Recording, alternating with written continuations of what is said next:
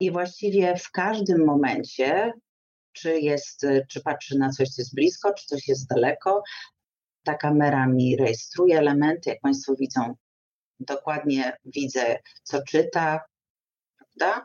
Mhm. Więc dla takiego człowieka wszystko mogę, e, mogę przeanalizować. Jest to niezwykle, niezwykle zajmujące i często bardzo zaskakujące, co też człowiek mm, zobaczy oczami innej osoby. Dzień dobry. Jestem Radek Biel z czasopisma Archeologia Żywa i zapraszam na dzisiejszy kontekst którym dowiecie się co nieco o doktrynach rekonstrukcji zabytkowej budowli, o kulografach i tym, czym nasze oczy mogą kłamać, gdy spoglądamy na zabytki.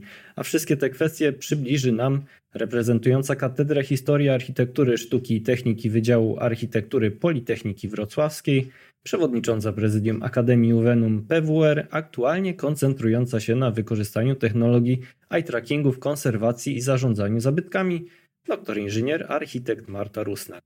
Cześć Marta. Strasznie długie wprowadzenie. Już się boję, jak to będzie za kilka lat. Zanim się powie, to Marta Rustak. Dzień dobry Państwu. Rośnie, rośnie. Tak, tak. Jak profesor Buko był, to było bardzo długo. Jako, że ostrzegłaś mnie, że mam nie zaczynać od pytania, czy Wrocław jest ładnym miastem, wszyscy zresztą wiemy, że takim jest, to jak to jest z tymi różnicami w sposobie postrzegania zabytków? Jest y, no, ekstremalnie, bo tak naprawdę mm, to, jak patrzymy na zabytki, zależy od wielu rzeczy. Przede wszystkim od tego, czy jesteśmy wykształceni w tej dziedzinie, czy nie, w jakim celu przyszliśmy do muzeum, czy jesteśmy nimi zainteresowani, czy nie, jakiej jesteśmy narodowości i czy mamy na przykład wadę wzroku.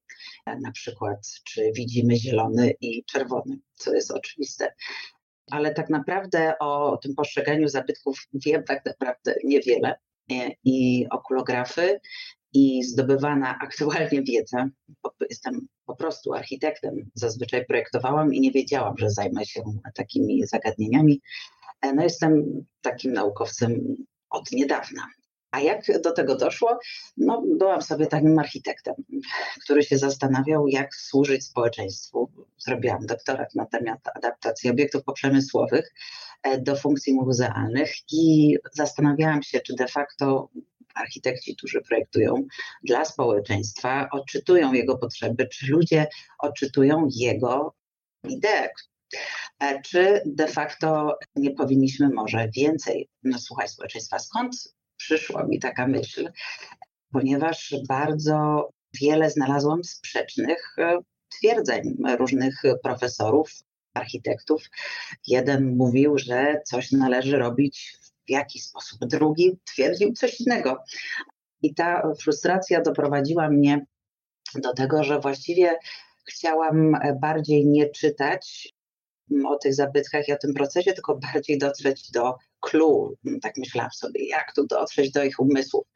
No ale ponieważ umysły trudno jest otwierać, to nie znalazłam szybko tego klucza do, do, do ludzkich myśli, bo bardzo chciałam wiedzieć, czy na przykład jako architekt współpracujący na przykład z archeologami albo muzealnikami, jak coś zrobię, to czy, o, czy te osoby odczytają ten komunikat, tak chociażby patrząc na taką mhm. kolumnę, E, czy oni odczytają ten komunikat, który ja tu zawarłam, tak? Czy to w ogóle jest dla nich istotne, że ja tu zrobiłam, część jest taka jasna, a część jest żółta, tak? O co im w ogóle chodziło? Dlaczego to jest takie łaciaty, tak? A może bym właśnie chciała, żeby w łatwy sposób odczytali, o, to było ponownie zestawione. I właściwie na takie pytania, co wspiera ludzi w odczytywaniu mm, naszego przekazu naukowego, się, się skupiałam. E, tak też zrodziły się moje badania z iTrackerem przez architekturę, które prowadzę, a wszystko zaczęło się właściwie nie od architektury, tylko od piłki nożnej. Dlatego może tak tu czarno-biało, bo polecam Państwu film Testy to the Limit, w którym Cristiano Ronaldo jest testowany na to, jak wysoko skacze, jak daleko to robi, jak szybko potrafi przyspieszać i jak kieruje piłką pomiędzy obrońcami przeciwnej drużyny i właśnie wtedy miał założony na głowie eye tracker. Tutaj prezentuję Państwu eye tracker. Ten eye tracker, który używał Cristiano Ronaldo w czasie stosowania tego w czasie tego badania, to był coś na, na rodzaj właśnie eye trackera mobilnego, czyli urządzenia, które zakładamy na głowę i pozwala nam się poruszać. Jednocześnie jest tam kamera sceny i kamery i odpowiednie emitery światła podczerwonego, które pozwalają diagnozować, gdzie patrzymy. O tym za chwilę. Więc to jest takie pierwsze urządzenie, które używam. Jeszcze prostszym urządzeniem jest okulograf stacjonarny. To jest taka listwa, która z jednej strony wysyła i kręci to, jak zachowają się ludzkie oczy, i dzięki temu potrafi powiedzieć, w jakie, czy wskazać nam, jak długo i w jakie dokładne miejsce patrzą się osoby obserwujące ten ekran. Oczywiście mamy też trzeci rodzaj eye trackera połączony z, ze środowiskiem e, wirtualnej rzeczywistości, a także mamy już czwarty, ale jeszcze nie miałam przyjemności, który jest e, jak, niejako połączeniem tej i tej grupy, czyli okulograf współpracujący z tak zwanymi HoloLenses, czyli przestrzenią rozszerzoną. I, I to są właśnie te moje jeden, dwa, trzy zabawki, którymi do tej pory miałam okazję e, badać. I teraz e, wytłumaczę na podstawie tego okulografiu stacjonarnego, który podpowiada mi, gdzie ludzie patrzą w różnych eksperymentach i w różnych sytuacjach, jak to działa.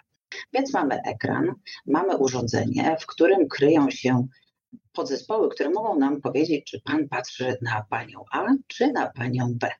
I żeby to zrobić, e, najpierw musimy wysłać w stronę oczu tego człowieka odpowiednio przygotowane wiązki światła podczerwonego, które nie są szkodliwe dla jego gałek ocznych, ale jednocześnie będą tworzyć na nich odbicia. Później te odbicia w różnych konfiguracjach, w zależności od tego, jaki to jest okulograf, eye tracker, pojawią się na jego oku. I teraz wyobraźmy sobie, że to oko się rusza w prawo i w lewo, więc w zależności od tego, w jakiej pozycji znajduje się źrenica, mm, to ten okulograf potrafi powiedzieć, prawda, czy wskazać kierunek, określić sobie oś patrzenia i znając odległość od ekranu, e, wskazuje nam konkretne, konkretne e, miejsce. Ponieważ jest to także diagnoza obrazu, urządzenie może rejestrować także zmienność, e, reakcję źrenicy e, na to, e, co się dzieje, która reaguje nie tylko na zmiany światła, natężenia światła, ale także na emocje, na strach, na radość.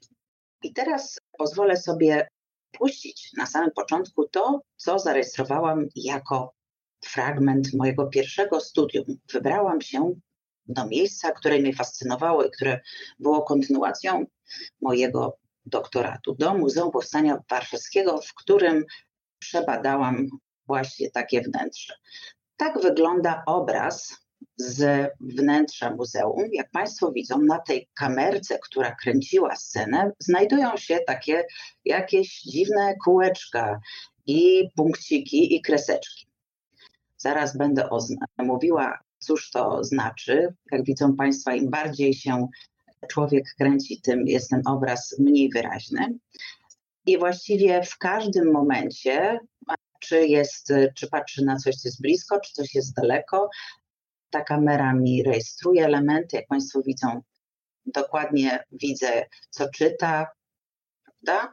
Mhm. Więc dla takiego człowieka wszystko mogę, mogę przeanalizować. Jest to niezwykle, niezwykle zajmujące i często bardzo zaskakujące, e, co też człowiek mm, zobaczy oczami innej osoby, tak? Bo de facto wiemy dokładnie, gdzie on i w jakim momencie patrzy. Więc przetworzyłam to sobie na taką ilustrację poglądową i tak jak kazałam, na tej ilustracji znajdowały się takie kółeczka, okręgi.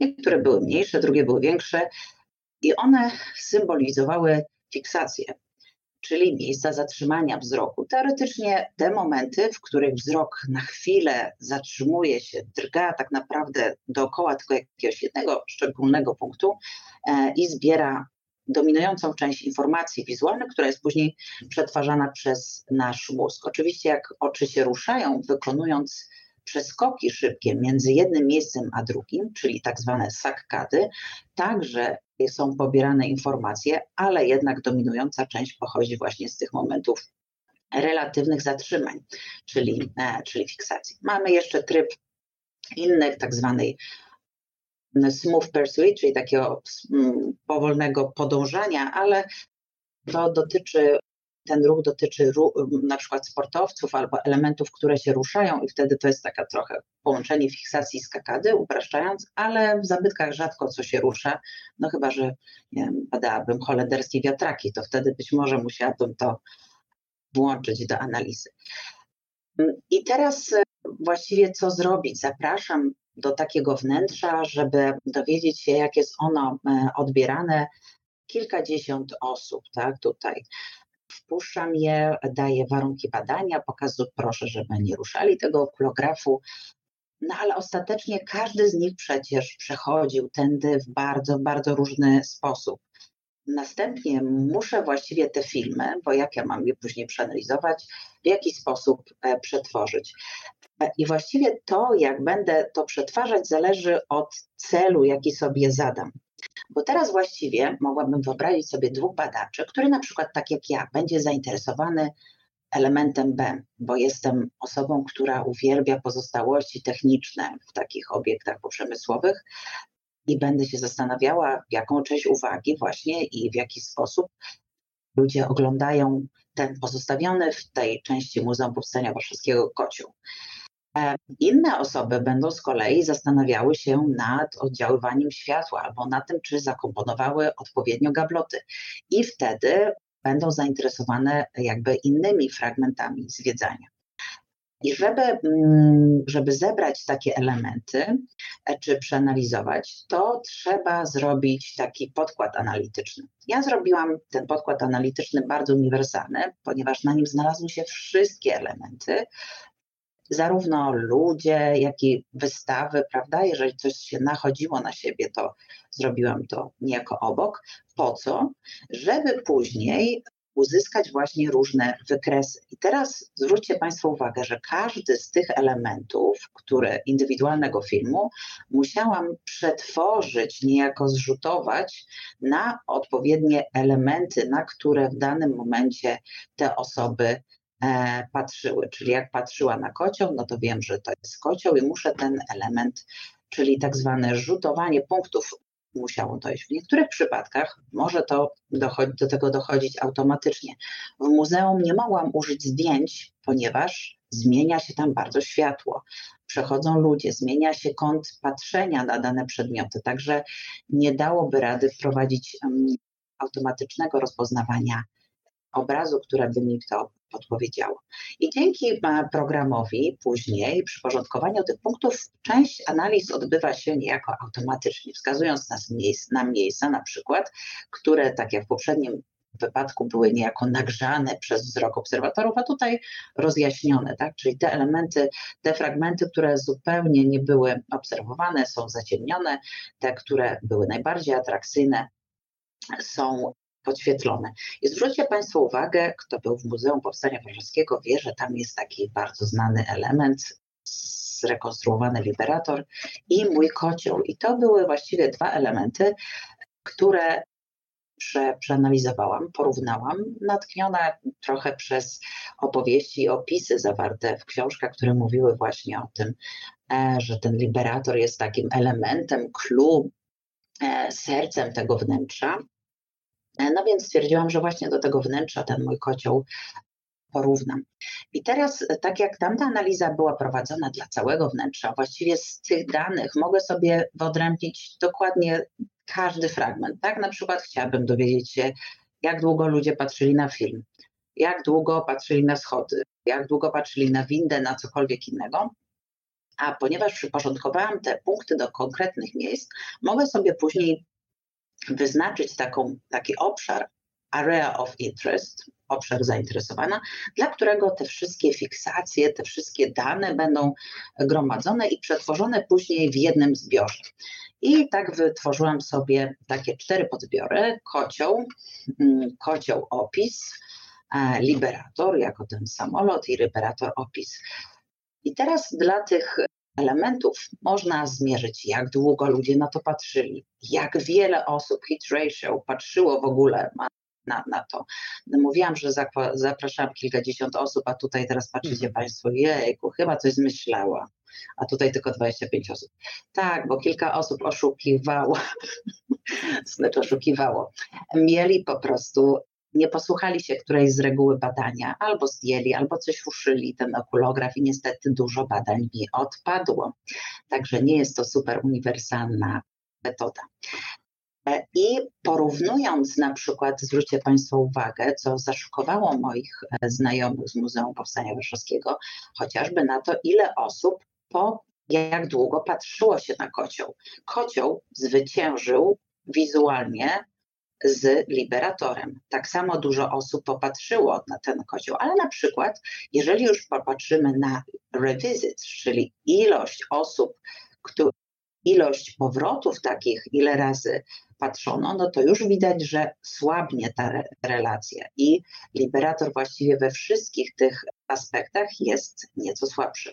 Ale co gorsze, tak naprawdę mniej osób, mimo że jest to jeden z głównych takich atrybutów tego wnętrza, mniej osób w ogóle dowiadywało się, co to tak naprawdę jest, że to nie jest oryginalny samochód, samolot na przykład, tylko rekonstrukcja, ponieważ tylko 9 osób zauważyło z 25 ten opis, a 6 tylko popatrzyło na ten opis dwa razy, co znaczy, że pewnie 6 tylko przeczytało w miarę uważnie ten opis.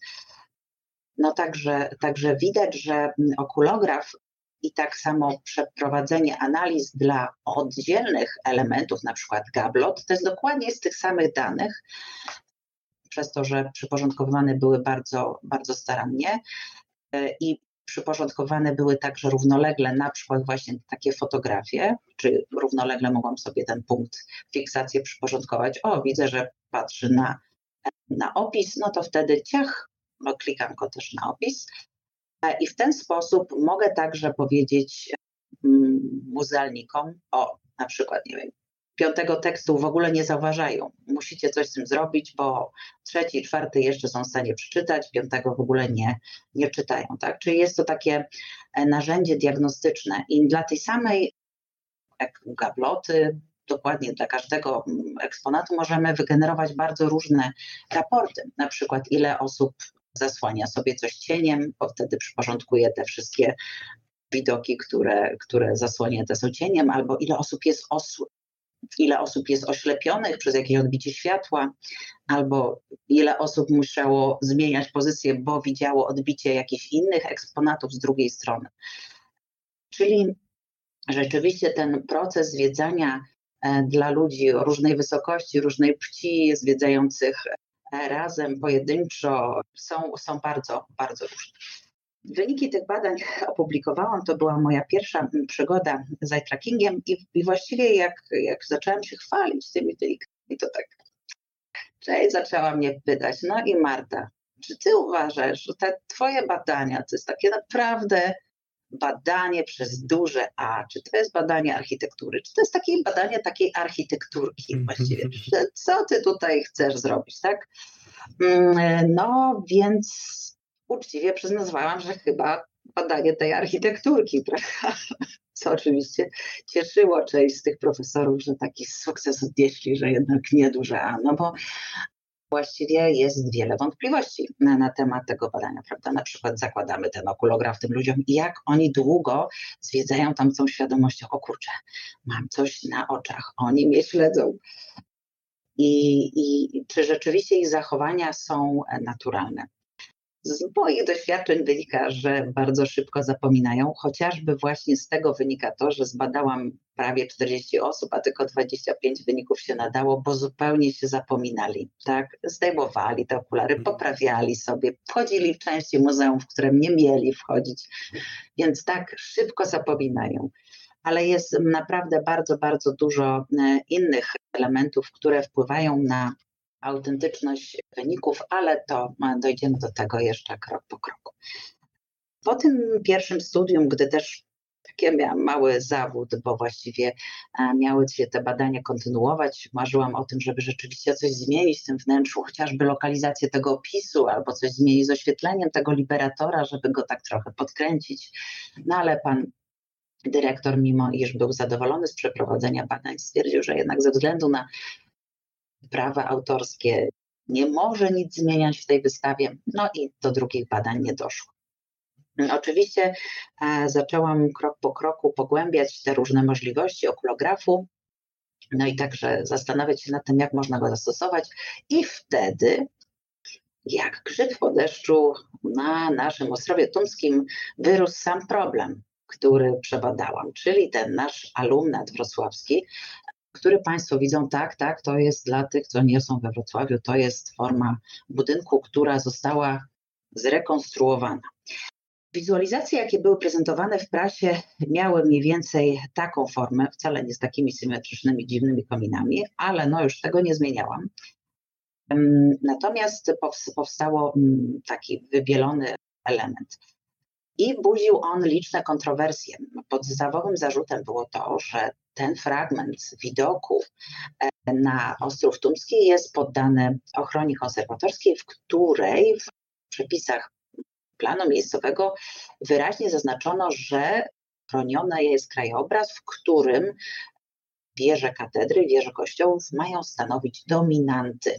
Hmm, cóż to jest ta dominanta, prawda? Czy to znaczy, że to ona ma być najwyższa? No, najwyższa zostaje, ale także są inne definicje dominanty, tak? Że na przykład jest głównym elementem kompozycji, e, co by oznaczało, że jednak względem E, tych wież e, oceniamy inne elementy, prawda, że to na nie zwracamy uwagę jako, jako pierwsze. Więc zrobiłam takie fotomontaże i tym razem pokazałam te fotomontaże bez e, tego alumnatu, z alumnatem białym, z alumnatem z zielonym dachem, co tam może być zielony, no i tym takim, który był proponowany pierwotnie w wizualizacjach, i przypisałam dla tych, pokazałam to odpowiedniej liczbie osób na tych ekranach.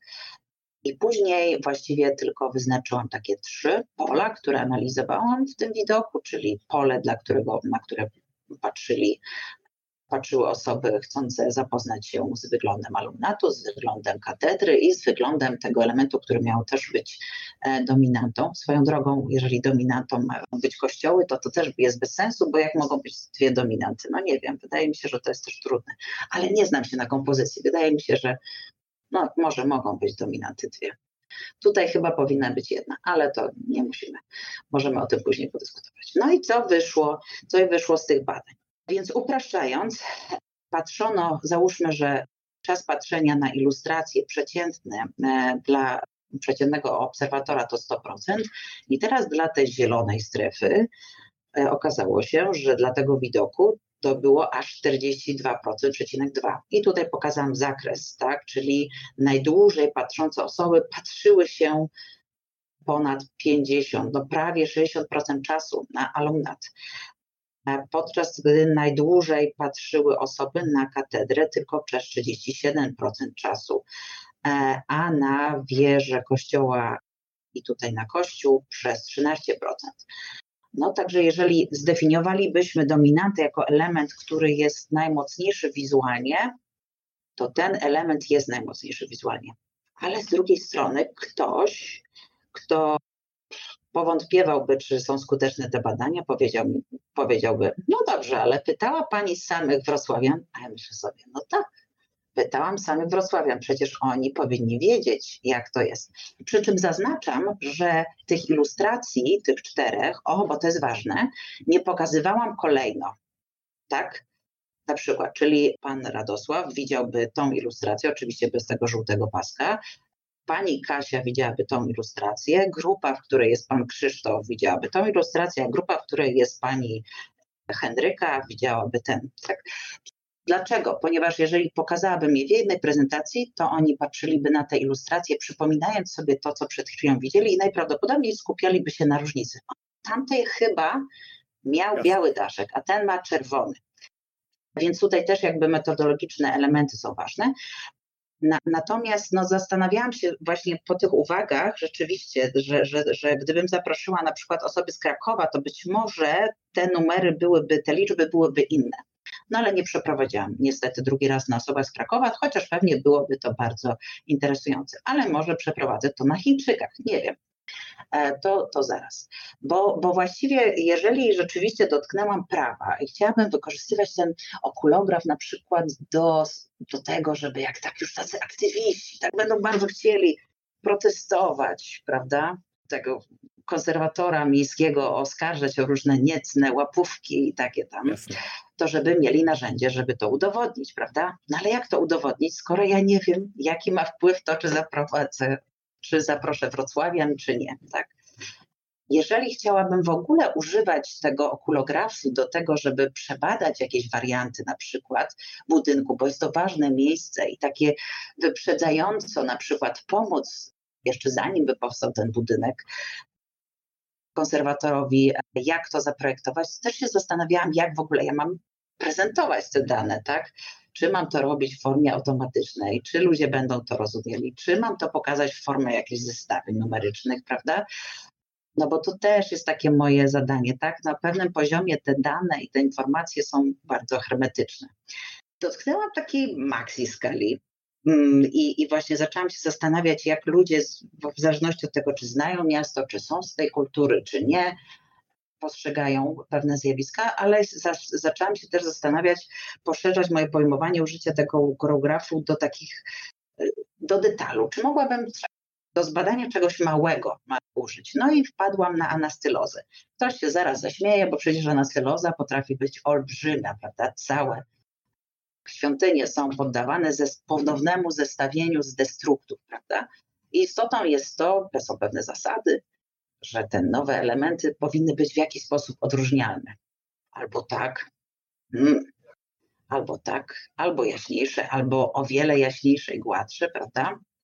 Ale te, de facto ten sam mechanizm, w którym mamy jakieś oryginalne elementy i dodajemy do nich, prawda? Czasami nawet bardzo dużo. Mhm. Ja tak naprawdę nie wiem, jak ktoś się domyślił, że ten garnuszek wygląda tak, właśnie mogę powiedzieć, tak. że pewnie metoda porównawcza. Pewnie tak. Natomiast w przypadku budynku byłoby to niedopuszczalne, tak, żeby aż, aż tyle dodać i tylko w oparciu o jeden fragmencik, szczególnie współcześnie. Ale tutaj przykład tych, tych naczyń jest wspaniały, bo widzimy różnicę. Jakbyśmy zrobili sobie wizualizację w oparciu o jasne uzupełnienia i takie ciemne, brązowe, które wpasowują się bardziej w koloryt, i zapytalibyśmy osób na przykład, prawda, jakieś pytanie odnośnie tych naczyń, na przykład, żeby wskazali wszystkie elementy, które są na przykład nowe, albo na odwrót, które są stare, to być może łatwość wykonania tego zadania i rozróżnienia byłaby różna. I, mm, i, i właściwie tych pytań o te uzupełnienia jest bardzo, bardzo, bardzo dużo, nie tylko jeżeli chodzi o anastylozę, tak? o tą relację uzupełnień, które są wymagane konserwatorsko względem, względem tego, tej, tego oryginalnego. No i także przeprowadziłam taki, taki eksperyment, w którym pokazywałam właściwie warianty różnych kolumn. Zwróćcie Państwo uwagę, że to są te same trzony. I to, co je różni, to jest jasność, a właściwie luminancja tych nowo dodanych elementów. I po raz kolejny musiałam ich podzielić na pięć grup, tak? I pośród innych e, kolumn, w których z kolei innym zadaniem było jakby zbadanie wpływu liczby tych uzupełnień na to, czy będą łatwiej wskazywać nowe czy stare części. E, no bo założenie jest takie teoretycznie, że no nie powinno być tych elementów więcej niż 50%. Więc stworzyłam takie zestawienia i kazałam, poprosiłam ludzi, żeby liczyli w przypadku tych różnic kolorów. I, I uzyskane wyniki, raz, że pokazywały mi, jak wiele osób w przypadku pierwszym, drugim, trzecim popełnia błędy, tak, nie dolicza, nie, do, nie zauważa, które są nowe, a które stare, to okazało się, że wydawało mi się, że wcale, że ten najjaśniejszy powinien dać najlepszy wynik, ale okazuje się, że nie, że że, że, mm, i to jest uzasadnione psychologicznie, że ten duży kontrast jednak przeszkadzał, tak? Czyli przypuszczamy, że jednak istnieje pewna granica, tak, luminacji czy kontrastu między, która służy najbardziej, prawda, temu, żeby rozróżnić to, co jest nowe i stare. Oczywiście, jak będzie ta kolumna ciemniejsza, no to prawdopodobnie kontrast będzie inny. Natomiast tu chodziło o to, żeby zbadać przydatność okulografu do badania takich zjawisk, i być może w jakichś dalszych studiach jakieś uniwersalne prawdy dotyczące anastylozy e, otworzę. Takim moim raczej nietrafionym badaniem, po prostu trudno mi to zinterpretować i nie wiem, czy w ogóle dam radę to opublikować, było badanie dotyczące faktury. Ale to chyba był strzał w kolano, bo też przebadałam tam, drodzy Państwo, mhm. takie przykłady, gdzie się zmieniała faktura, e, ale prawda, od takiej najgłębszej do, do naj, najbardziej gładkiej ale dane mi nic nie wskazują, po prostu żadnej regularności. Chyba po prostu na płaskim to było poronione, żeby badać coś, co jest przestrzenne. Tak nic tu, tak, nic tu nie było widać. Myślałam, że się uda, na szybciora szykowałam te bodźce, ale no nie, ale musiałam, tak, niech Państwo zobaczą. W ogóle tak, tutaj mamy fragmenty, ilość, ilość potrzebnych e, maksymalnie czasu, żeby rozpoznać czy odnaleźć tą tą część i tutaj żadnej zależności nie ma, tak? Nie ma żadnej ciągłości, tak? To są jakieś bez ładu znajdujące się, e, znajdujące się e, fragmenty. Mhm. Wartości, tak, także no ten eksperyment, ten eksperyment nie wyszedł.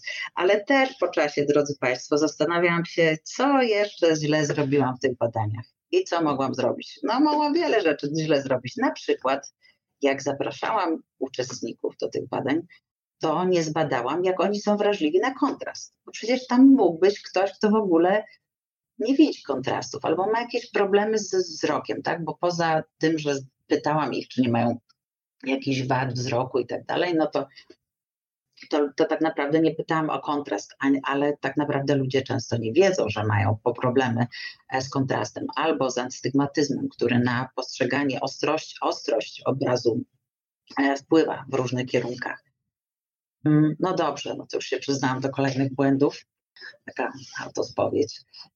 Ale kolejnym, kolejnym pomysłem było także wykorzystanie i zaczęcie badania takich interakcji między tym, co nowe i stare, tak? co mnie jako architekta interesuje. No i takim elementem, który towarzyszy zabytkom i będzie musiał towarzyszyć, są wszelkiego rodzaju loga, reklamy, banery. No i kto właściwie decyduje, jak one będą wyglądały, gdzie będą zlokalizowane, tak? E, e, I stwierdziłam także, że to będzie dobry pretekst, żeby sprawdzić, czy moje okulografy w ogóle są potrzebne. Bo tak naprawdę pewnie znany Państwu, niektórym Państwu, profesor Ernest Niemczyk tak do mnie podszedł i powiedział, Marta, ale wiesz, ja wiem jak to będzie. Ja wiem jak to będzie. No więc stwierdziłam, że to jest takie wyzwanie i właśnie zorganizuję taki pojedynek w którym w jednym narożniku staną profesjonaliści, ale będą wyposażeni w swoje dotychczasowe profesjonalne narzędzia, czyli możliwość wypowiedzenia swojej opinii, wybrania najlepszego przykładu w oparciu o dobrze im znane zasady tego, jak się lokalizuje takie e, reklamy. E, prawda? Mamy całe wytyczne komosu stworzone przez profesora Szmigina chociażby, Zachęcam zresztą do zapoznania się z nimi, jeżeli ktoś nie zna. No a w drugim narożniku, wyposażeni już przeze mnie w okulograf, mm, stanęli nieprofesjonaliści. E, natomiast, żeby co prawda wyposażenie i technika walki była różna, ale w sumie chodziło o to samo. Pokazałam i nieprofesjonalistom, i profesjonalistom, tylko w inny sposób, takie fotomontaże, w którym przy pawilonie czterech kopuł e, stanęły różne loga, a właściwie zaczęło się od tego zdjęcia. Tak, od tego przykładu, w którym e, przy pawilonie czterech kopuł stanęło logo e, i ono mnie zaintrygowało, bo bardzo mi się podobał ten logotyp, który został stworzony. Zresztą wygrał mm, dużo nagród, zdobył. Ale się zastanawiałam, hmm, przecież pawilon czterech kopuł ma niebieskie logo chyba konserwator powiedział, żeby jednak wybielić to logo. No więc sobie stwierdziłam, hmm, a w sumie jeszcze bardziej by zniknęło, gdyby było kremowe. To jest takie super niknące logo. E, no dobrze, to co by było, jakby było niebieskie, co by było, jakby było czarne, co by było, jakby było czerwone. I stworzyłam te różne, różne warianty. I w oparciu o, przepraszam, bo jest w wersji angielskiej, w oparciu o, tej, o te różne przykłady zaczęłam pytać, stworzyłam formularz, w którym profesjonaliści de facto byli pytani o, o to, żeby przewidzieć różne relacje, czyli mamy zabytek, stanie przy nim czarne logo i teraz proszę powiedzieć mi, w którym wypadku logo oni będą najdłużej patrzyli na kopułę, albo najszybciej zauważą logo, albo najszybciej zauważą wnętrze. Były też dwa pytania bardzo proste, w którym przypadku najszybciej zauważą logo, w którym przypadku najdłużej będą się patrzyli na zabytek, ale najwięcej pytań do, dotyczyło właśnie tej interakcji e, między zabytkiem a logo i w oparciu o te, o te badania stworzyłam hipotezy, w których, w których na przykład czerwone logo miało być niewłaściwe, rozpraszać, nie wspierać uwagi na kopule i tak dalej. Cała treść jest opublikowana i to te moje dociekania. No więc Później dokładnie w oparciu o te same bodźce, które ocenili profesjonaliści, stworzyłam badanie eye trackingowe, dla których podzieliłam całość na, na te moje strefy analizy wizualnej. I cóż mi wyszło, prawda? Miałam podgrupy, w których dla e, białego logo, kremowego logo, czarnego, niebieskiego, czerwonego otrzymałam różne, różne liczby. E, ale tutaj chyba, jeżeli Państwo pozwolą, to, to mało to atrakcyjne wizualnie, ale zaraz spróbuję wytłumaczyć. Tak? Przebrniecie. Świetnie. Czyli mamy na przykład tutaj wariant, bo musiałam mieć jakiś element odniesienia, tak? Jeżeli nie było tam logo, to jeżeli na cały zabytek patrzono ponad 70%, nawet, prawda, gdyby na miejsce, w którym ustawiono logo, patrzono 0,5%, 2% czasu. Tak? I mam dla każdej z tej strefy jakby taką neutralną, neutralną e, sposób patrzenia bez tego logo.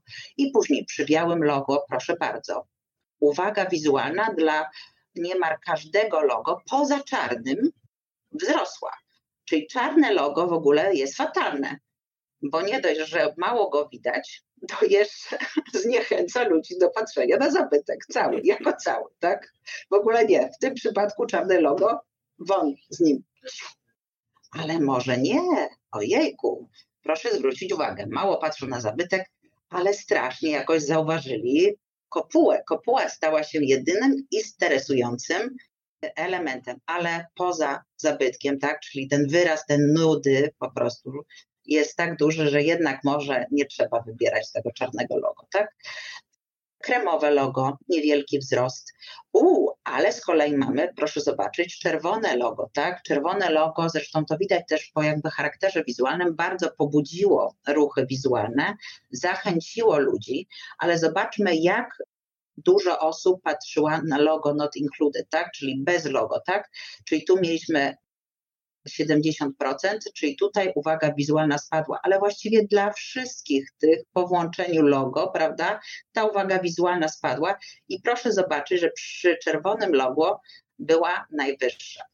Tak, ale z kolei proszę zwrócić uwagę, że bardzo niekorzystna rzecz się stała, że przy czerwonym logo ludzie zaczęli bardzo dużo patrzeć się walls and windows, czyli na te boczne elementy, a nie, a przestali patrzeć się na element centralny. Czyli to, co miało być istotne, tak, czyli ten element, no zresztą nazwa, w nazwie znajduje się pawilon czterech kopuł, tak, więc jak ta kopuła znika z tego zabytku, to chyba to nie jest korzystne, tak, czyli to czerwone logo też bym chyba tu wykreśliła, tak, więc jak Państwo widzą, taki pretekst do zbadania tego obiektu i zbadania tych wariantów jest bardzo interesujący, bo to nie jest tak, że jakby jak tutaj patrzyli 70%, to jak wstawimy to czerwone logo, to dalej będą patrzyli 70%. Nie, to nie jest ze naczyń połączonych, tylko, tylko jednak tutaj się inne mechanizmy dzieją, ale co, co jest jeszcze bardzo, bardzo ciekawe, to to, że Ja też się zabawiłam w tą grę i przed przeprowadzeniem eksperymentu sama odpowiedziałam na pytania i na te sześć hipotez, które podstawiłam, przeciętnie e, na dwa pytania eksperci dobrze dawali odpowiedź. Ja dałam dobrze odpowiedź na trzy pytania, to znaczy zgodnie z przewidzeniami. No także wydaje się, że jednak do dokształcenia się, do poznania percepcji zależności ten okulograf może nam się zwyczajnie przydać. No dobrze, ale dlaczego ja pokazuję obrazki, a nie architekturę, tak? No bo w tym muzeum, no to fajnie, bo rzeczywiście się pojawiali w tej architekturze. Może to po prostu jest uproszczenie, tak? Bardzo dużo też pytań w recenzjach pojawiało się odnośnie tego, dlaczego ja badam ilustrację. Przecież architektura jest 3D.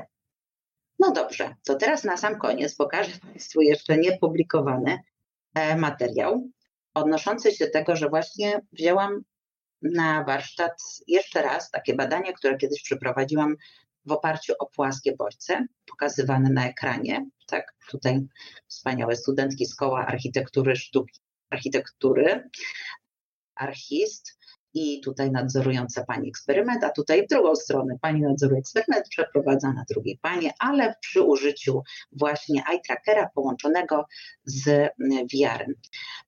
I właściwie wzięłam sobie na warsztat tutaj w, w przeszłości takie zjawisko kościoła longitudinalnego, tak? czyli wraz ze zmianą proporcji, im kościół stawiał się dłuższy, tym teoretycznie miał być taki efekt lepszego skupienia na tej, na tej przestrzeni e, presbiterium, tam gdzie dzieje się to całe sakrum, prawda?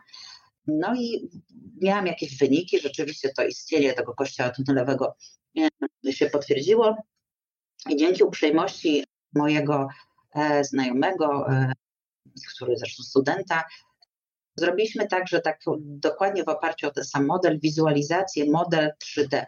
I to, co kiedyś widzieli tylko na płaskim ekranie, to teraz mogli zobaczyć uczestnicy w goglach VR, zakładali gogle i właściwie zaczynali niejako od takiej pozycji, tak, jaką widzieliby na ekranie właśnie w tym poprzednim e, eksperymencie. Stworzyliśmy właśnie takie e, trzy zdjęcia sferyczne, które prezentowaliśmy o różnej długości, jak Państwo widzą.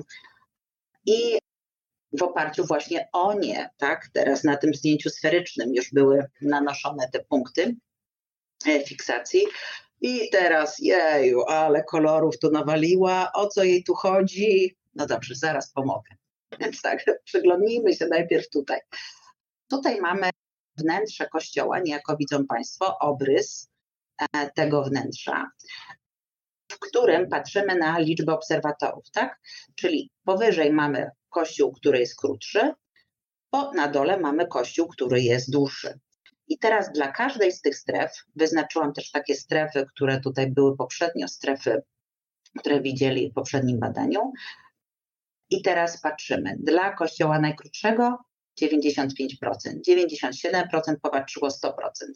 W tym wypadku potwierdza nam się efekt longitudinalny, tak? Bo im jest dłużej, tym więcej osób popatrzyło w ogóle na koniec, tak? I tak mogę strefę po strefie przeprowadzić, albo na przykład e, tutaj mamy, tak? Im kościół jest dłuższy, tym mniej osób jest chętne, żeby popatrzeć na bok, co sprawia, że także pod, podkręcany jest magnetyzm tego elementu. Tak? I tak strefę po strefie mogę dzięki takim porównaniom mm, to określić. Tak samo odnośnie średniego czasa, czasu trwania fiksacji, tego jak długo, tak? Bo jeżeli robię takie fiksacje, mhm, tak, to inaczej to jest niż robię tak, o, o, o, prawda? I im ta fiksacja jest dłuższa, tym jakby większe zainteresowane, większa chęć poznania albo większy strach to reprezentuje. Tak może też być tak, że mogę na coś się patrzeć długo, prawda, bo się tego boję. A to może być różnie, też mogę, może być trwoga do Boga w sobie. Nie myślałam o tym. Dobrze, więc znowu niech Państwo zobaczą, tak? Na przykładzie prezbiterium mamy tutaj najbardziej, najbliższe, mimo iż jest duże, tak? To mamy 17, 0,17 sekundy, tak, czyli 100, 170 milisekund, 180 milisekund i 207 sekund. Nie są to jakieś fascynujące wielkie różnice, ale jednak tendencja jest. I właściwie w odniesieniu do liczby obserwatorów, a dwa razy liczbę obserwatorów dam, ale porażka. Dobrze, to powinna być czas patrzenia. Po prostu sama siebie polewam. Więc de facto to, co wyszło mi w tych badaniach, nie będę mm, aż tak bardzo Państwa wdrażać, jeżeli ktoś będzie chciał, to mam nadzieję, że niedługo mi się uda opublikować. To mm, wyszło mi, że właściwie wyniki zostały potwierdzone. Zaskakująco, niektóre wartości były dokładnie takie same. I nawet w relacji, tak? Trzy wartości badane na płasko i trzy wartości badane w trójwymiarze, co było niesamowite. Natomiast ludzie w VR, co Państwo są w stanie przewidzieć, zachowywali się tak. No tak. I tak, a poza tym, jeżeli i to było bardzo przykre. Z jednej strony bardzo śmieszne, ale bardzo przykre, bo straciłam ponad 20% danych. Dlaczego? Po pierwsze, jak zakładałam ten zestaw na głowę ludziom, to było tak, że o nie, już nie mogę, bo jest ciężki, tak, zanim się coś ustawiło. Albo nie wiem, nie mogę, bo mi nie dolega, wpada mi gdzieś światło. Ale najlepszy przypadek wykluczenia był taki, patrzę, patrzę, a później nie mam nóg, nie mam nóg. No więc jak ktoś tak zareagował na patrzone moje wnętrze, a rzeczywiście nie było tam jego nóg, a wstawianie przypadkowych trampek też by było, ej, ja nie mam takich trampek. Ty mam, tak, rozumiem. To też by było błędem. Więc w przypadku, gdy ktoś się rzeczywiście skupił bardzo na tych butach, albo w ogóle zaczął patrzeć dłużej w dół, to musiałam wykluczyć go jako osobę, która już się nie nadaje do badań. A mhm. z kolei jakby metodologia badań kazała mi, że nie mogę powtarzać tego eksperymentu, no bo on musi niejako z zaskoczenia zobaczyć to wnętrze, tak? No więc e, dużo wyzwań przede mną, ale, ale staram się wykorzystywać, tak, tak skaczę sobie trochę e, po tych, po tych tematach, ale co najbardziej jest frapujące, to to, że im dłużej badam, tym więcej mam pytań. I teraz na przykład współpracuję z e, Wydziałem Mechaniki Politechniki Wrocławskiej. Wiem, brzmi dziwnie, ale Wydział Mechaniki ma laboratorium, w którym badają reakcje różne kierowców i tam mają okulograf e, i wspaniałymi specjalistkami, od których bardzo dużo się uczę, przy których się czuję taka malutka. Martą Szligiel i Malwiną Geniusz, e, które z którymi badamy teraz wpływ tego, jak ludzie widzą właśnie. Badamy nie tylko deklaratywnie, czy jaką mają wadę wzroku, bo oni już naprawdę mogą nie być świadomi, że mają jakąś wadę wzroku.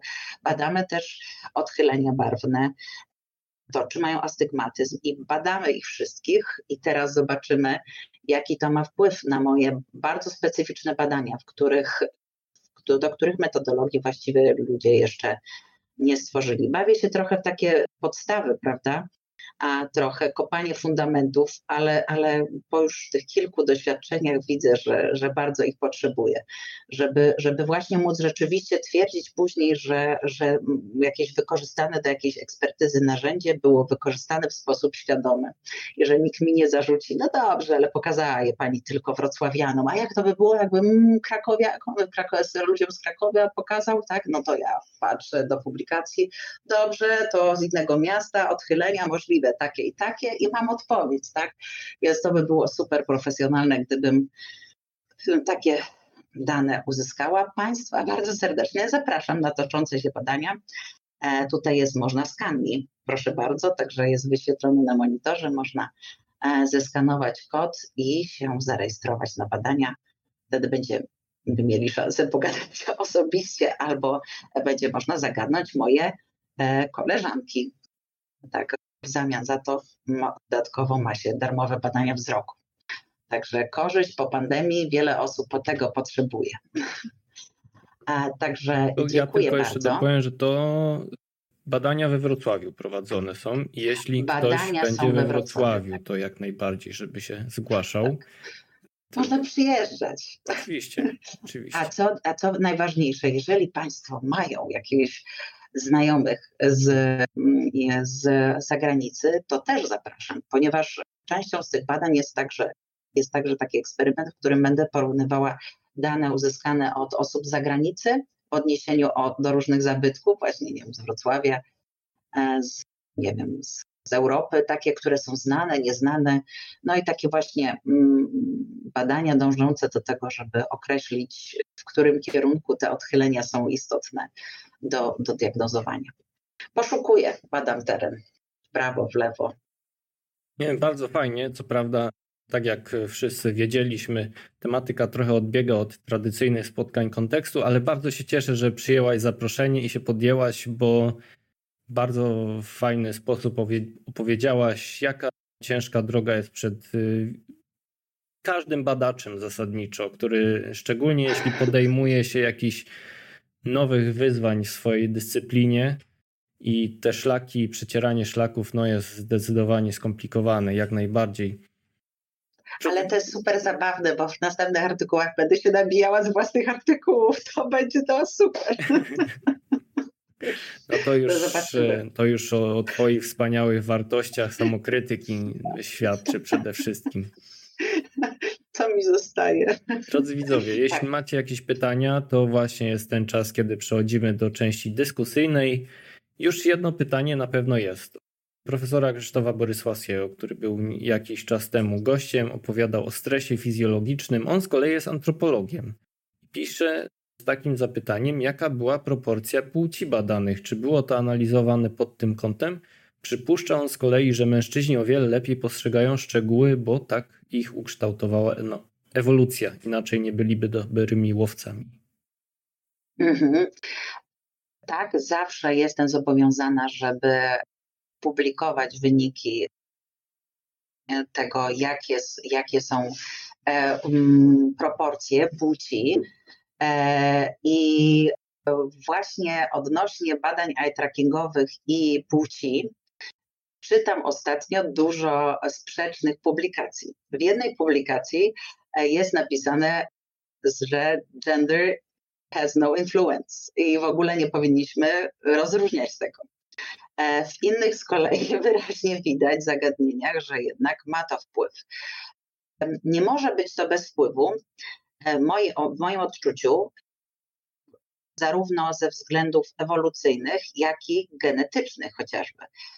Jeżeli weźmiemy jakąś dużą grupę, to wiadomo, że ze względu na różne uwarunkowania genetyczne mężczyźni będą mieli prawdopodobieństwo mniejszej czułości na kolory i będą, prawda, bycie daltonistą w przypadku mężczyzny jest niesamowite, a trafienie kobiety daltonisty jest jak wygrana w totoletka.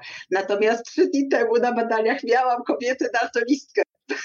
Także nie zagrałam wtedy totolotka, tak, ale w tym dniu moje dziecko rozcięło sobie łuk brwiowy, także, także taką miałam nagrodę. No. Jak to mówią w piłce tak. nożnej, niewykorzystane sytuacje się mszczą. Lubię się mścić. No ale ja ją wykorzystałam, przebadałam. No tak, tak. Jeszcze zapraszałyśmy, tak, Marta jeszcze, tak e, pani doktor Szmigiel zapraszała, mimo że nie mieszka rodzina, to tak, tak, przyjdźcie, zaproście rodzinę, bo dla nich, dla, prawda, tym bardziej, że mamy e, tam e, jeszcze jest ekipa całkiem spora, która zbiera te dane, bo zbieranie jest dość czasochłonne, tym bardziej, że właśnie rozbudowaliśmy to, bo zazwyczaj to ja to tam zbierałam 15 minut zbierania danych, ciach, ciach, jakaś szybka ankietka i było.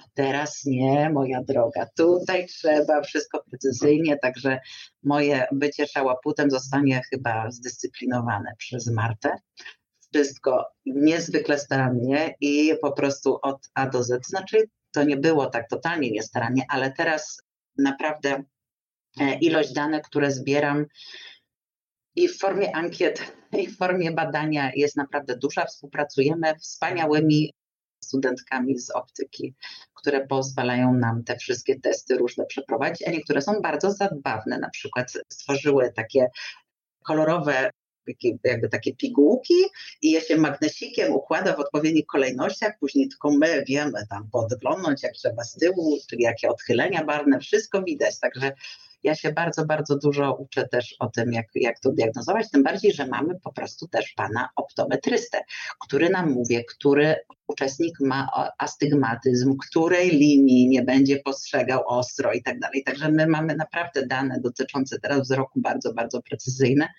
i zobaczymy. Teraz będziemy mieli bardzo dużą bazę danych, e, około 320 osób przewidujemy. Jestem teraz w jednej czwartej rejestracji.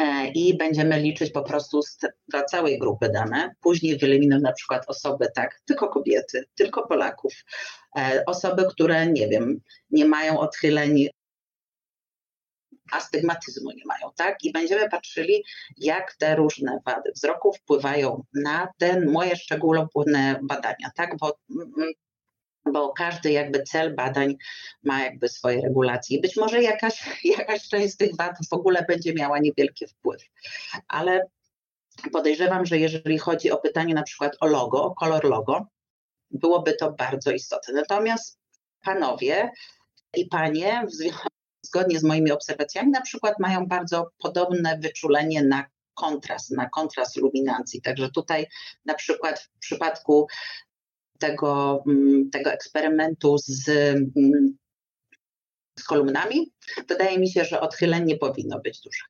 I nawet jeżeli zaplanujemy sobie, że w eksperymencie chcemy mieć jedną grupę, która jest równej ilości mężczyźni i kobiety, w drugiej, w trzeciej, to później ostatecznie tak nie będzie, bo na przykład więcej kobiet dziwiło się, o, nie mam nóg, tak? Więc więcej musiałam skreślić, tak?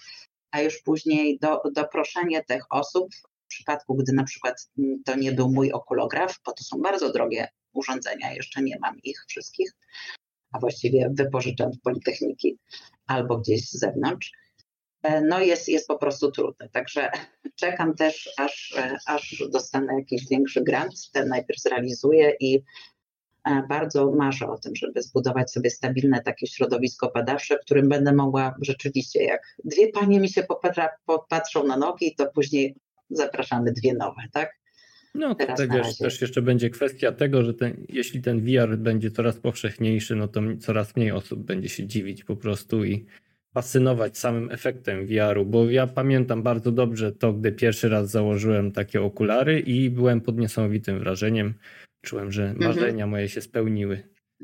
Tutaj, tutaj było to bardzo ciekawe, bo w, w, tym eksperymencie zadbałam o to, żeby oni się, po pierwsze, brałam osoby, które nie miały wiaru.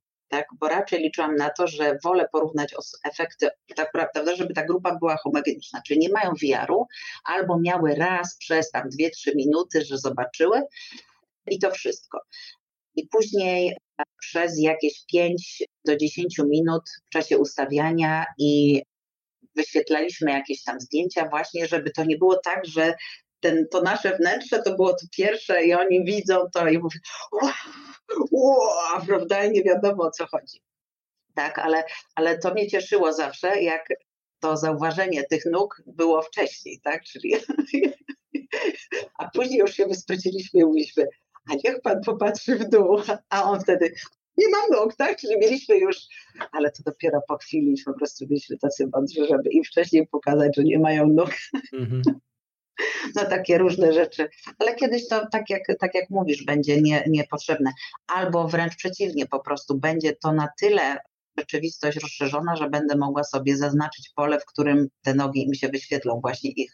No wiadomo, jasne. To, to Prawda? No w przyszłości nie wiemy, co, co będzie możliwe tak naprawdę.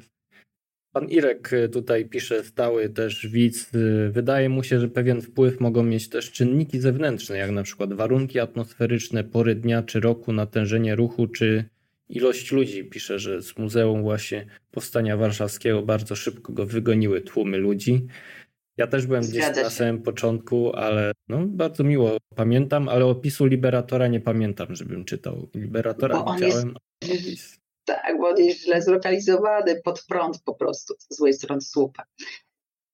Tak, zdecydowanie. I to jest jedno z pytań, właściwie te zmienne warunki mm, klimatyczne, które bronią moje badania bodźców płaskich. Dlaczego ja właściwie nie przepuszczę tych osób, na przykład zakładając im właśnie takie okulary i pozwalając im się przejść, tak? Na przykład stawiając tam czerwone logo, niebieskie logo, tak? Po pierwsze, bo raz przy tym czerwonym logo przejdzie pani z pieskiem w żółtych szpilkach, tak?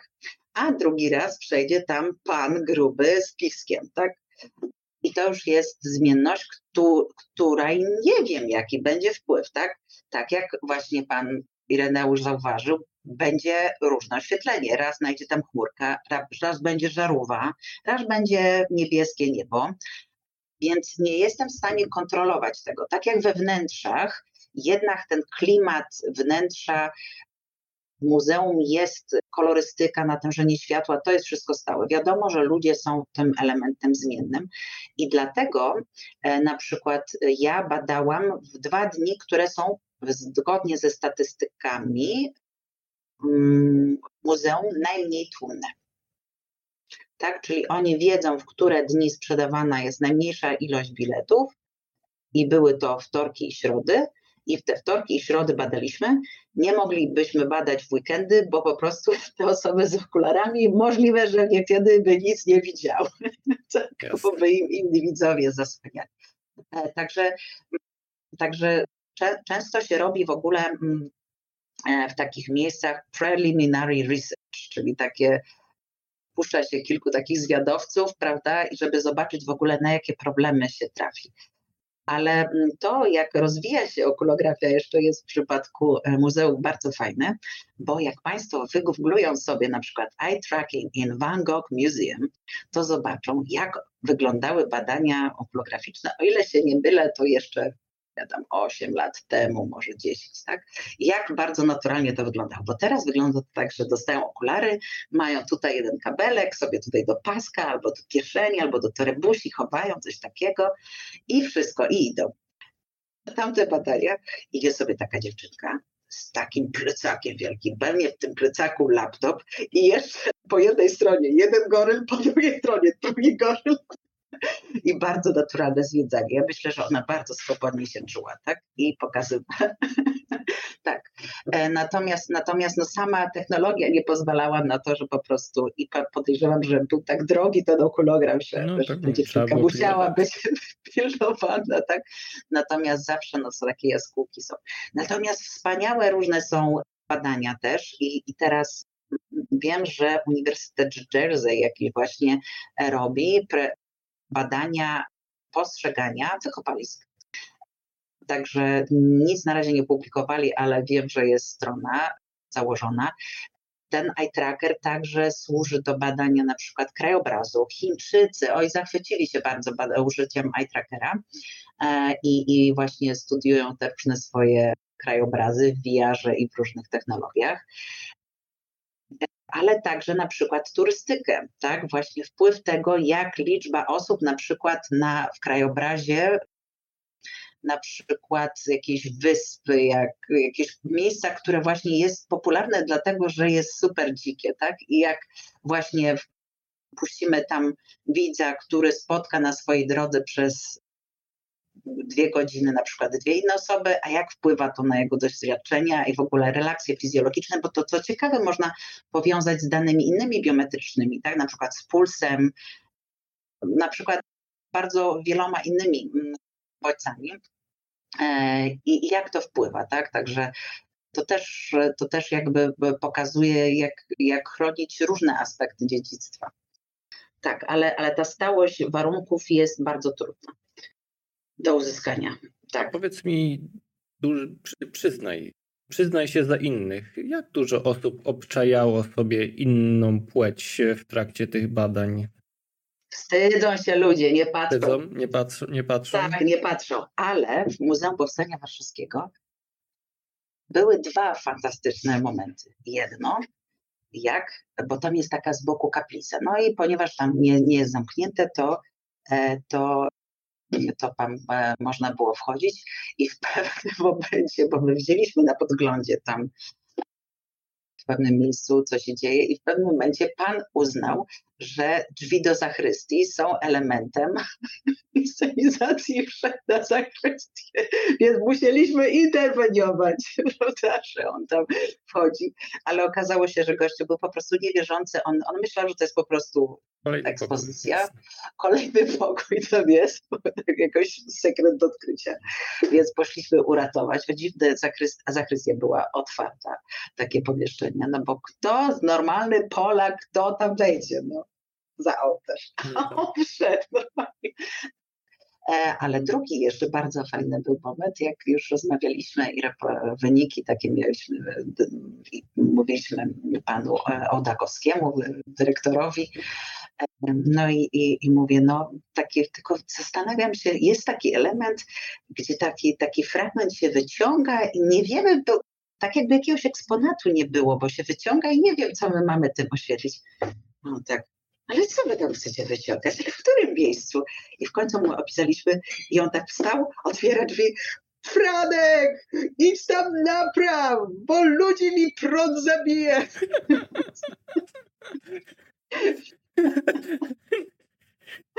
Więc po prostu uratowaliśmy kilka ludzkich żyć, ale wcześniej sama to wyciągałam i patrzyłam, co to tam za lampeczka, wsadziłam z powrotem, no bo jak ktoś nie odkrył, wsadzam z powrotem dziurę.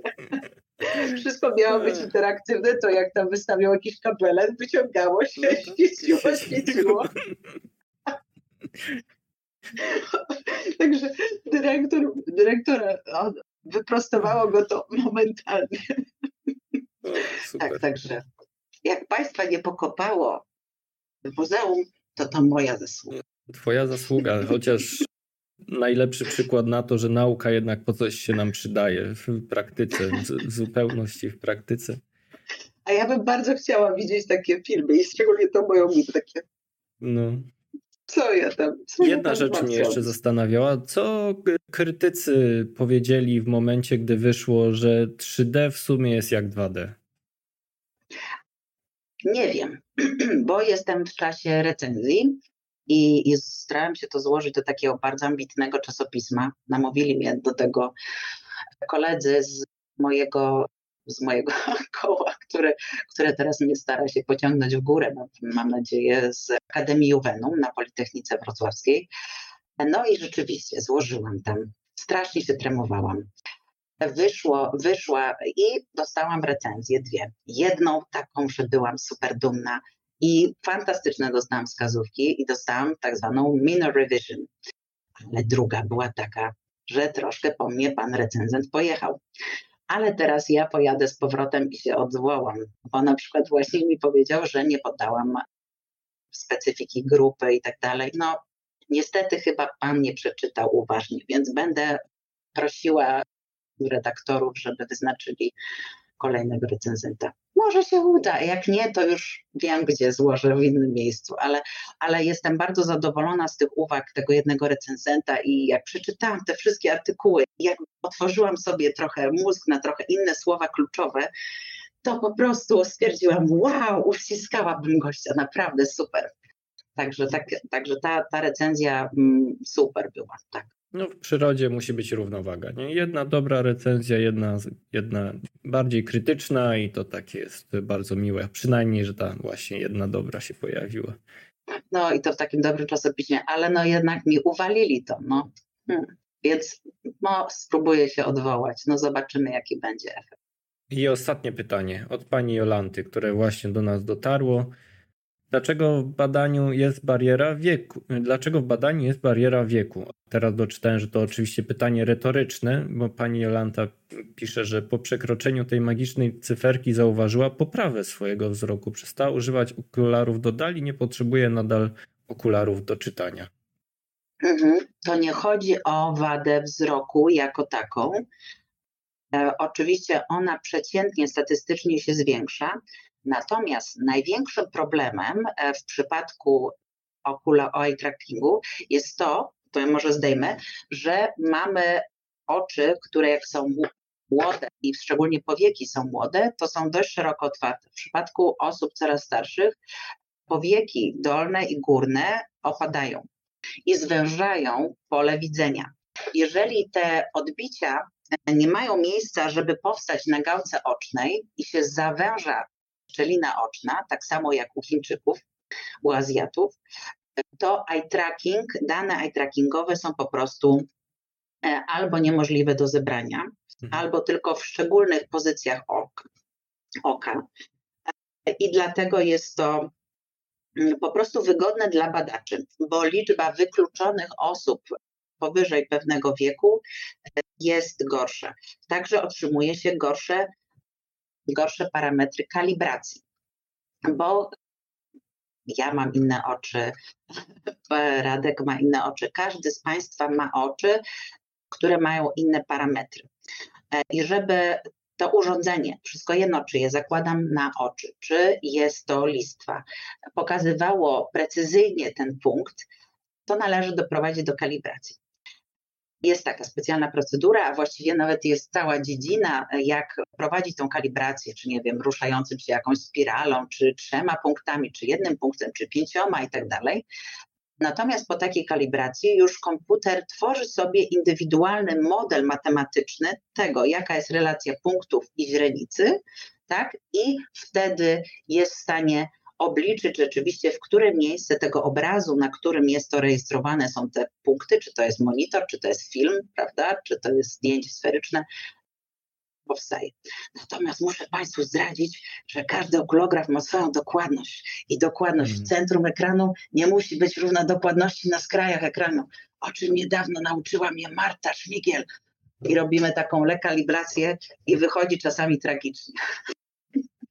No Także tak, to co, to, co, to, co mówi, to, co mówi a, a, ulotka na opakowaniu, zawsze jest dopiska na matematycznym modelu oka. Tak, a z kolei, co mi powiedziała druga moja koleżanka, Malwina Szmigiel, nie może być tak, bo niestety oczy, które patrzą w bok, inaczej pracują, inaczej wytężają, napinają gałkę oczną i ona się deformuje, bo nie jest niezmienna geometrycznie, tylko się zmienia. Także to, jak są precyzyjne fiksacje czy sposób patrzenia w bok, jednak wolimy patrzeć na wprost, obrócić w jakąś stronę wzrok, a nie patrzeć tak, prawda, bo jest to wysiłkowe. Także, no, także tutaj też chyba, no jestem architektem, ale chyba muszę, już mówiłam, że muszę chyba na jakieś takie podyplomowe studia na optykę. Podyplomowe? Mówisz, że jeszcze się załapiesz? Nie, ja już, ja już się nie, ja już się, ja już się nie, nie umiem uczyć. Jak miałam w tym roku zdać egzamin na jakiegoś menadżera takiego, bo musiałam, taki podstawowy menadżerski kurs sobie zafundowaliśmy, to to było męczące. Jakie stresujące w ogóle, że ja znowu mam jakiś egzamin ja zdawać. Wiem. To samo miałem przed doktoratem, jak z archeologii musiałem zdawać. Ten, a ten z architektury, który musiałem zdawać, to już w ogóle nie mogłem spać przez dwa dni przed. Więc... A wyobraź sobie, że ja menadżerem musiałam być po mhm. prostu, jakieś procesy opisywać. Nie, ale dowiedziałam się dużo, dowiedziałam się dużo jestem zadowolona generalnie z tego tekstu, ale ja już przestałam myśleć i funkcjonować w taki sposób, gdzie nigdy nie miałam problemu z nauczeniem się jakichś takich rzeczy, ale, ale już trochę w inny sposób pracuję. E, a jakbym miała się wiersza na pamięć, o taką redutę Ordona nauczyć, też w ogóle. Do tego Ale do Ordona jeszcze pamiętam, pamiętam jeszcze. Proszę. Wypłynąłem. To będzie nie Reduta tylko inne takie już, już, po prostu, które się kiedyś, nie, nie, tak. będę, nie będę cię męczył no. i, i wyptywał z wierszy, które zapamiętałaś. Już ogólnie nie będę cię męczył, będziemy zbliżać się do końca. Bardzo ci dziękuję, że byłaś. Pani Jolanta tutaj też nie doczytałem, ale napisała, że Dziękuję pani profesor za super ciekawe wiadomości i wyśmienitą A, atmosferę na naszym spotkaniu. O, dziękuję. Chwila, jeszcze moment. nie profesor. Na pewno A, trzymamy kciuki profesor. za to, żeby się udało opublikować tam, gdzie sobie marzysz to opublikować te wyniki. I oczywiście za dalsze, za dalsze projekty. I tak jak powiedziałem, teraz jest ekran e, dla ciebie tylko. Pożegnania, ekran podziękowania, e, Aha, ojejku, nie tak przygotowałam tak się. Ja bardzo serdecznie dziękuję wszystkim, którzy mnie wspierają. Dziękuję mężowi, że ogarnia właśnie dzieci, które kładzie spać i że wytrzymuje to, że każde praktycznie popołudnie teraz przez ostatni miesiąc i jeszcze przez przyszłe trzy miesiące będę zbierała dane. Także thank you. Marcin, może oglądnie to doceni. Także dziękuję, że dziękuję moim kolegom, którzy mnie zachęcają jednak, że Marta nie, za, nie zaspokaja się tam publikowaniem w jakimś takim czasopisemkach, tylko spróbuj wyżej. Także ci, co mnie, dziękuję wszystkim, co mnie kopią po prostu. O, to, to bardzo interesujące. Tak, i zapraszam, i zapraszam na moje badania i, i badania właśnie osób z Wydziału Optyki. Zapraszamy serdecznie. Tak jest. Jeśli byście, drodzy widzowie, chcieli się więcej na ten temat dowiedzieć, to tam jest pod kamerą pani doktor jest link facebookowy Architektura i ochrona zabytków Politechnika Wrocławska. Tam piszcie do nich, dowiecie się wszystkiego na ten temat. Z przyjemnością na pewno prześlą w odpowiednie miejsce was, przykierują. Tak. I chwilka ode mnie, drodzy widzowie, tak e, aktualny numer archeologii żywej wygląda. Dzisiaj mam, mamy już buka praktycznie kolejnego numeru. Wygląda bomba. Myślę, że bardzo się wszystkim spodoba. Już myślę, że mogę spokojnie zdradzić, że będzie o grach, zabawach i hazardzie. Kiedy się pojawi, czy uda się nam przed świętami wielkanocnymi? Chyba nie, ale na pewno już się pojawi po. Nie wiemy tylko jak szybko po tych świętach. Oczywiście wszystkim profilom dziękuję facebookowym, które udostępniły albo nasze spotkanie, albo informacje na ten temat. Tym razem były to oczywiście profil Wydział Architektury Politechniki Wrocławskiej oraz Architektura i ochrona zabytków Wydział Architektury PWR wspomniane, no i jak zawsze niezawodnie Pradzieje Ziem Polskich. No i podziękowania dla wszystkich prenumeratorów, którzy dołączyli od ostatniego spotkania do naszego zacnego grona prenumeratorów. A są były to panie Iwona i Jolanta oraz panowie Mariusz i Tomasz. Normalny kontekst, kolejny spotkanie z naszy, naszym cyklu będzie już po świętach 21 kwietnia 2022 roku i będzie o krzyżackich zamkach. Gościem będzie dr Bogusz Wasik z Muzeum Zamkowego w Malborku. Kiedyś był współautorem artykułu na temat właśnie badań e, zamków ziemi chełmińskiej, ale teraz opowie o nich więcej. Ale z kolei specjalny odcinek kontekstu, nazwijmy go Kontekst Junior, będzie w najbliższą sobotę o godzinie 10. Ja tam będę, będzie w pełni interaktywny, będą pytania, namiastka wykopalisk sztucznych, wspólne wypełnianie kart, wypełnianie karty możecie pobrać z linku w wydarzeniu. Będzie wirtualna wycieczka po muzeum, pytania, zagadki, co byśmy sobie nie wyobrazili. Całość poprowadzą Paweł i Agnieszka, edukatorzy i założyciele firmy archeologiczne warsztaty, a wszystko z okazji książki takiej bardzo ładnej Archeo Kids, wydawnictwa Levis Books. Jeśli jeszcze sobie, chcielibyście taką książkę dla swoich dzieci, a jeśli dokładnie wasze dzieci by chciały taką książkę, to macie szansę je zagonić do pracy. Do jutra do godziny 20 trwa jeszcze zresztą konkurs plastyczny dla dzieci, w którym dzieciaki mogą wygrać egzemplarz tej książki. Szczegóły na Facebooku Archeologii Żywej. Może się uda w jeden wieczór i trochę dnia coś takiego stworzyć. Mamy kategorie wiekowe w razie czego. Pięć kategorii wiekowych dla każdej po jednej książce. Zobaczymy jak to będzie. I to tyle, drodzy widzowie. Jeszcze Dziękuję więcej. bardzo za uwagę i przepraszam za moje głupie dowcipasy. Nie, dowcipasy były super. Widziałem, że wszystkim się podobało. Cóż, taka jest. Życzę sobie więcej Dziękuję. takich dowcipnych gości po prostu. Wszyscy tutaj tacy zawsze poważni są, a to nie o to Nie, chodzi. nie zawsze, nie zawsze, nie, nie zawsze. Mówisz, no dobrze. Nie, nie zawsze, no nie zawsze. Dobrze, dziękuję bardzo za zaproszenie. Miałam być wcześniej, ale się wymigałam. Także ale co się odleczy, to nie uciecze u nas. Spokojnie. Trzymajcie się zdrowi, szanowni państwo. Do zobaczenia. Miłego, miłego wieczoru.